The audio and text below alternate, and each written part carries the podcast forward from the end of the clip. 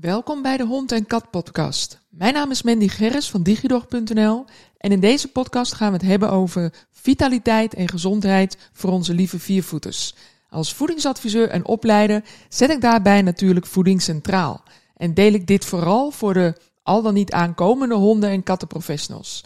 Maar er zijn natuurlijk veel meer vitaliteitsonderwerpen die ik met je wil delen via tips, inzichten, interviews en case studies. Alles om jou meer kennis en kunde te geven, zodat je jouw klanten, de eigenaar, nog beter kan helpen. Welkom, welkom bij een nieuwe aflevering van onze podcast.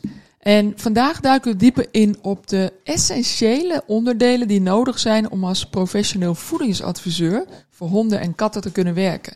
En niet alleen voor de voedingsadviseurs of voedingsadviseurs in spe is dit interessant, maar ook voor andere professionals of bijna professionals of mensen die wel eens een professional inhuren. dus uh, blijf vooral luisteren als je tot een van die groepen uh, behoort. Um, professioneel voedingsadviseurs, even de focus waar ik op ga. En ik ga ervan uit dat dit mensen zijn die een succesvolle eigen praktijk willen starten.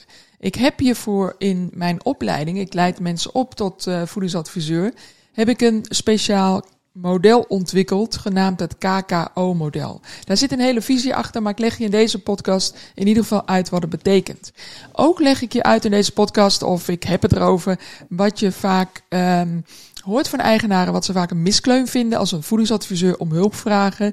En ik deel met je mijn Mount Everest plaatje. Wat, uh, dat doe ik dus ook niet visueel, want dat kan niet met een podcast. Maar wat juist supergoed helpt als je als hondenprofessional, kattenprofessional of wat dan ook voor een professional, um, soms onzekerheid voelt als je andere professionals in je branche bezig ziet. Laten we dus snel starten met, uh, met het onderwerp. Het KKO-model. We pakken hem gelijk bij de kop. Het is een simpele let lettercombinatie wat staat voor kennis, kunde en ondernemerschap. Drie heel belangrijke pijlers voor iedere professional als het mij vraagt. En misschien ben je zelf geen professional, maar wil je er eentje vinden voor jouw vraagstuk, dan weet je ook met deze pijlers waar je op kan letten hè, als je er eentje wil vinden. Goed, laten we eens even langs gaan. De KKO, kennis en kunde en ondernemerschap. Te beginnen bij de eerste K, de kennis en vakkennis hebben we het dan over. Uh, het is niet makkelijk tegenwoordig. Het lijkt makkelijker met internet dat we heel veel kennis tot ons krijgen, maar ik neem je even mee. Ik zat toen straks even in de voorbereiding van deze, deze opname, zat ik, naar, uh, zat ik even op Facebook te kijken in een groep. Over honden ging het. En ik vond een wat oudere post van iemand met een Franse bulldog. En die hond heeft last van buikpijn, dat schrijft de, dame in kwestie. En eet van alles van de straat. Nou, dat helpt natuurlijk niet met die buikpijn. Ze, ze vraagt om advies in een groep. En ik denk, nou, pak de popcorn maar vast, want die gaat hij al.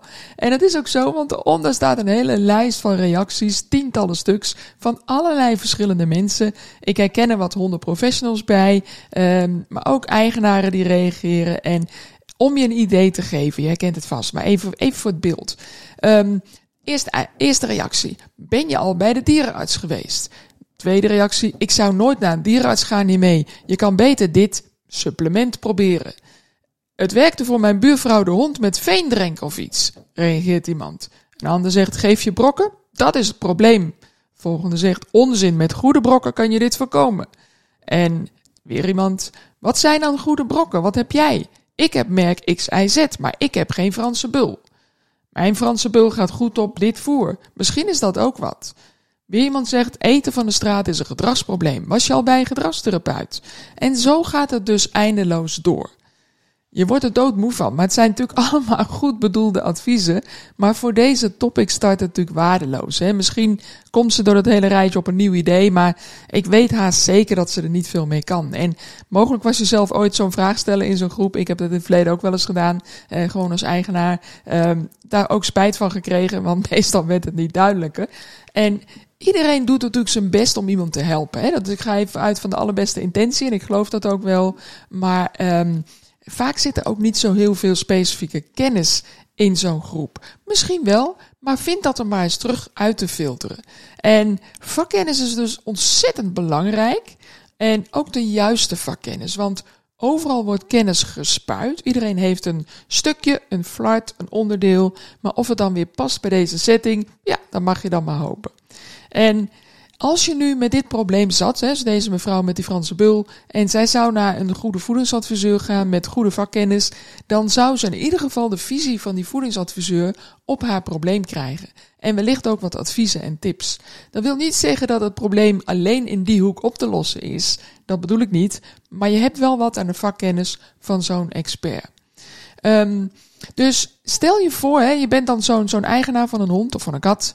En je hebt vragen over het voer van je huisdier. En je denkt, ja, waar haal ik dan die kennis vandaan? Hè? Wie, wie, wie zegt mij nou hetgeen wat nu echt zo is? Wie kan ik, um, nou ja, ik wou zeggen vertrouwen. Het gaat niet om wantrouwen, maar welke informatie is ook ergens op gebaseerd.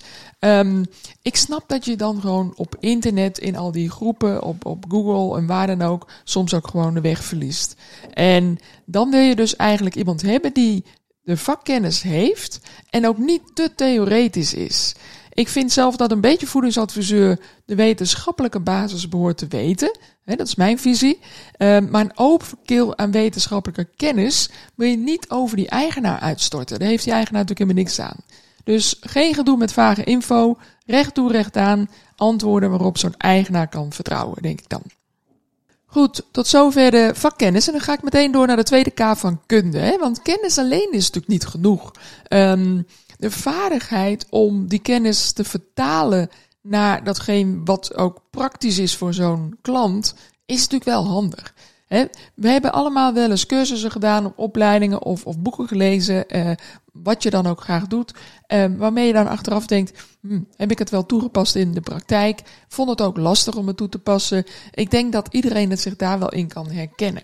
Um, de crux van een goede opleiding of cursus is, of van een goed stuk kennis uit een boek bijvoorbeeld, is dat je weet hoe je dat dan ook in de praktijk kan toepassen. En heel vaak ontbreekt dat. En heb je daar wel drie andere cursussen voor nodig om dat te leren? Want anders komt dat natuurlijk nooit aan bij zo'n eigenaar. En dat is natuurlijk hartstikke jammer. Dus als jij niet weet, even heel concreet naar het vak van een voedingsadviseur, hoe je een voerplan schrijft, hoe je een stappenplan maakt waar een eigenaar gewoon letterlijk mee uit de voeten kan en zich ook niet meteen ontmoedigd voelt om het te gaan toepassen. als je dat niet kan, ja, dan is dat advies natuurlijk een heleboel theoretisch geneuzel en blijft dat deels ook onbenut. En dat is natuurlijk hartstikke jammer. Dus die kennis is belangrijk, maar die kunde, de skills om die kennis naar een praktisch plan toe te schrijven, is natuurlijk wel super belangrijk. En niet alleen een plan schrijven, maar het ook gewoon natuurlijk naar die eigenaar brengen. Hè? Dat is ook een stukje mensenkennis wat handig is. Nou, dat is dus de tweede K, de kunde, die je natuurlijk, denk ik, moet hebben, de vakkennis. Um, en de vakkunde, de, de, de, de, de skills, zeg maar, de vaardigheid om uiteindelijk iemand ook echt goed te kunnen helpen met een goed onderbouwd stuk ik denk dat dat voor heel veel professies geldt, maar voor voedingsadviseur geldt dat zeker. Goed, dan hebben we nog een derde stukje en dat is het pad van de ondernemerschap. Want de O staat voor ondernemerschap. En ja, weet je, als je een professional bent, dan ga ik ervan uit dat je werkt met klanten. Met eigenaren in dit geval, of verzorgers, hoe je het ook noemen wil, um, van honden en katten. Maar als je een professional bent in een andere branche, dan heb je natuurlijk op een andere manier ook jouw klanten, neem ik aan want in je eentje professional zitten wezen, dat is natuurlijk wat eenzaam. Um, ik zeg niet dat het onmogelijk is, maar het is natuurlijk een beetje, een beetje aparte situatie. Normaal gesproken wil je natuurlijk gewoon je praktijk starten. Of je werkt in een praktijk, of je bent misschien niet als zelfstandig ondernemer aan de slag, maar onderdeel van bijvoorbeeld een dierenartspraktijk of een winkel waar je werkt. En in die gevallen heb je natuurlijk ook te maken met klanten. En wat belangrijk is, is dat je weet en als jij nu ondernemer bent, dan herken je het vast dat je naast de vakkennis en kunde die je leert, ook weet hoe je je praktijk vormgeeft. Hoe trek je nou die klanten aan en wie zijn jouw klanten? Hoe, hoe vraag je aan iemand uh, dat hij een keer gaat betalen, bijvoorbeeld? En wat voor prijzen reken je? Um, hoe, hoe maak je duidelijk of je tariefsverhogingen hebt, of verlagingen, of kortingsacties, of wat dan ook? Hoe zit het met garanties? Hoe zit het juridisch? Nou, ik kan zo nog eindeloos doorgaan, maar ik denk dat iedereen die ooit als ondernemer ergens werkt, dat wel herkent. En ik denk dat dat ook voor veel mensen best een, ja, een, een, een ik wil zeggen, ik wou zeggen een teleurstelling, maar dat is niet, niet altijd zo. Uh, een verrassing was dat als je een vak gaat leren, in wat voor richting dan ook, en je wil ermee aan de slag, dat je denkt van vrek, naast die vakkennis en kunde, heb ik ook dat stuk ondernemerschap te leren. En dat wordt je op school, zeg maar, niet geleerd, normaal gesproken op een middelbare school of zo. Um, en in de praktijkonderwijs of in de praktijkopleidingen is het als het goed is wel opgenomen, maar niet altijd. Maar het is wel heel belangrijk, want als jij niet weet hoe de juiste klant aantrekt, ja, dan kan je een leuk praktijkje gaan zitten spelen, maar dan blijft het vaak toch wel een beetje een soort van hobby.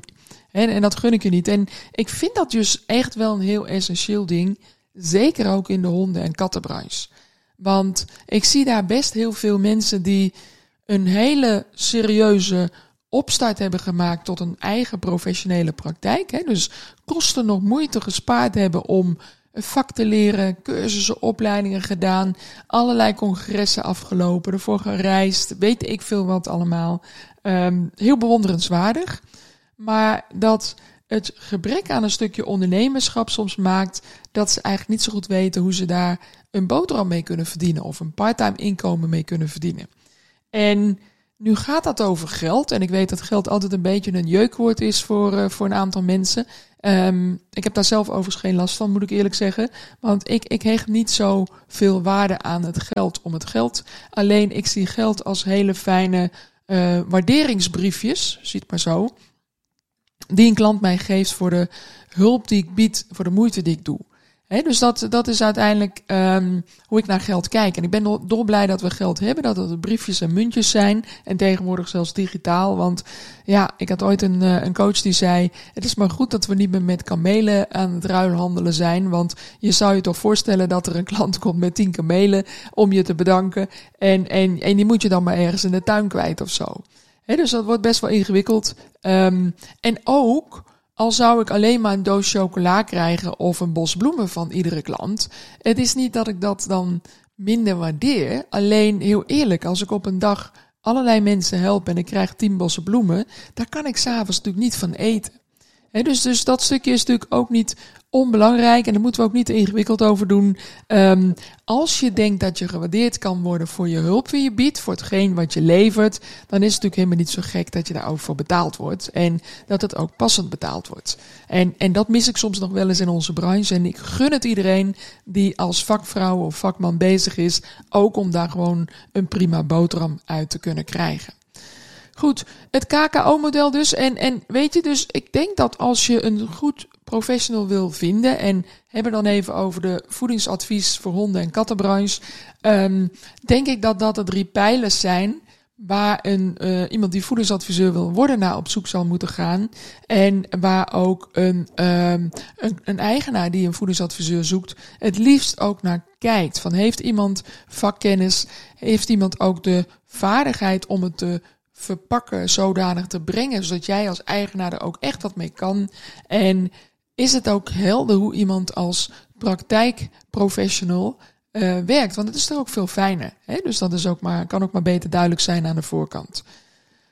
Kortom, dus uh, het is een essentiële basis en, en het is wel mooi, want het zijn natuurlijk drie elementen, die K, K en O. En ik, ik ben nogal visueel ingesteld, um, daar heb je met de podcast niet zoveel aan, maar ik stel het me zo voor dat je je praktijk ziet zoals uh, bijvoorbeeld een krukje op drie poten. Drie essentiële poten. Dan is een krukje natuurlijk niet een heel erg uh, koninklijk instrument, maar misschien ook wel een koninklijke krukje misschien. Um, maar als je een van die poten weg zou halen, of als een van die drie poten niet voldoende mee ontwikkeld is, dan dondert dat hele zaakje gewoon om. En ik geloof dat dus ook met je eigen praktijk. Dus ik, ik zou je ook willen gunnen, als je nu zelf professional bent, om eens voor jezelf na te denken. Hoe zitten die drie pijlers, die drie poten onder mijn praktijk koninklijke kruk eruit? Hè? Dus uh, dat is misschien wel een hele mooie. Goed, um, het is een hele belangrijke. En in het begin had ik het heel even over nog twee dingen waar ik het over zou hebben in deze podcast. Allereerst een miskleun, um, wat, wat veel eigenaren vinden. En dat, dat die miskleun zit hem dus heel vaak in het stuk um, vaardigheid deel. CQ ondernemerschap. En kennis, als dat er is, hè, vaak is die kennis er best wel als je als professional aan de slag gaat. Niet overal, niet iedereen, maar ik denk dat je van jezelf best wel weet of je vakkennis hebt. En als je professional bent, dan mag je dat ook wel um, ervoor zorgen dat je het hebt, denk ik. Hè. Dat ben je ook wel aan je stand verplicht, denk ik. Um, maar de kunde, de vaardigheid om dat stuk kennis over te brengen naar een klant, om die klant ook echt te helpen met iets waar die ook mee geholpen wordt, is natuurlijk wel heel erg belangrijk. Kijk, heel simpel. Als ik mijn auto laat uh, repareren bij een garage en ik breng hem daarheen, dan ga ik ervan uit dat er een monteur is met vakkennis. En dan kan je net zo'n monteur hebben, en ik weet niet of je ooit wel eens een monteur hebt gesproken, ik wel namelijk. En die begint dan over allerlei um, cilinders en, en pakkingen en, en, en olie en hydrauliek en, en weet ik veel wat voor techniek um, te bazelen. En dat is niet bazelen, dat is zijn vakkennis, maar ik kan er dus helemaal niks mee. Dus als ik zo iemand vraag van, joh, weet je, er gingen lampjes branden in mijn auto en waar moet ik dan vooral op letten? Dan vind ik het heel fijn als er iemand tegenover me staat die zegt: joh, zolang het uh, geen rode lampjes zijn, hoef je geval niet in paniek te raken. Bij oranje lampjes is het wel goed om ons even te bellen of om even de handleiding te raadplegen. En dit ene lampje wat ging branden betekent dit of dat. En dan moet je voor voortaan zus of zo moet je handelen. He? Heel simpel, niet moeilijker dan dat. En al die olie- en hydraulische technieken, joh, val mij er alsjeblieft niet mee lastig, denk ik dan dus dat is uiteindelijk voor een expert uh, belangrijke informatie, maar voor zo'n eigenaar, in dit geval eigenaar van een auto, natuurlijk helemaal niet zo. Dus dat even over het stukje ergernis uh, van veel eigenaren, maar in tot slot toch even het stukje over Mount Everest. Um, het Mount Everest metafoor gebruik ik heel vaak uh, ook in mijn opleiding. En ik bedoel daar het volgende mee. Ik zie best wel veel startende professionals, vooral ook in onze huisdierenbranche, uh, daarbuiten trouwens ook wel, um, die, die hun praktijk in de lucht proberen te zetten, die, die met een vak bezig zijn, die een vak hebben geleerd of aan het leren zijn vooral. En um, ik ben zelf overigens geen starter meer. Um, ik ben intussen alweer zo'n beetje 25 jaar werkzaam in de hoek van opleidingen en, en volwassen onderwijs. Um, in diverse bedrijven en zo. En ruim 15 jaar hondernemer. He, eh, dat, dat parallel aan elkaar, dus ik ben niet 40 jaar bezig. Maar uh, in mijn ondernemertijd ben ik ook natuurlijk bezig met opleidingen en trainingen aan eigenaren. Um, dus ik heb ook de nodige startersfouten gezien en ook zelf ook uh, gedaan. Dus ik ben ook niet, niet wonderlijk. Um, maar wat ik vaak zie, is dat als mensen een nieuw vak willen leren en zich in het begin nog wat onzeker voelen als ze daarmee hun eerste eigen klanten gaan helpen. Uh, wat ook logisch is, hè? die onzekerheid die hoort erbij. Hè? Vaak is het wat onwennig en spannend. Net zoals dat je voor het eerst helemaal alleen in de auto rijdt nadat je je rijbewijs hebt gehaald. Je weet prima hoe het allemaal werkt en je hebt het geleerd, maar het is allemaal nog een beetje vers. Je bent nog niet zo bedreven en je denkt, oh god, de hele wereld kan nu zien dat ik net mijn rijbewijs heb gehaald. Um, uh, jeetje, dat is toch ook wat. Nou, dat, dat zie ik dus ook vaak met je eerste klant en dat snap ik ook. Uh, maar wat ik dan ook heel vaak zie, is dat deze mensen um, vaak hals over kop een volgende opleiding gaan doen en nog eentje en nog eentje, et cetera. En, en dan nog het idee hebben dat ze niet alles weten wat in hun vak te leren is. En nu heb ik helemaal geen probleem met die opleiding. Integendeel, ik geef zelf een opleiding, dus het zou raar zijn als ik daar tegen was. Maar um, wat ik bedoel te zeggen is dat ik denk, die, die opleidingen verrijken je, maar ga ondertussen wel aan de slag met je eigen praktijk.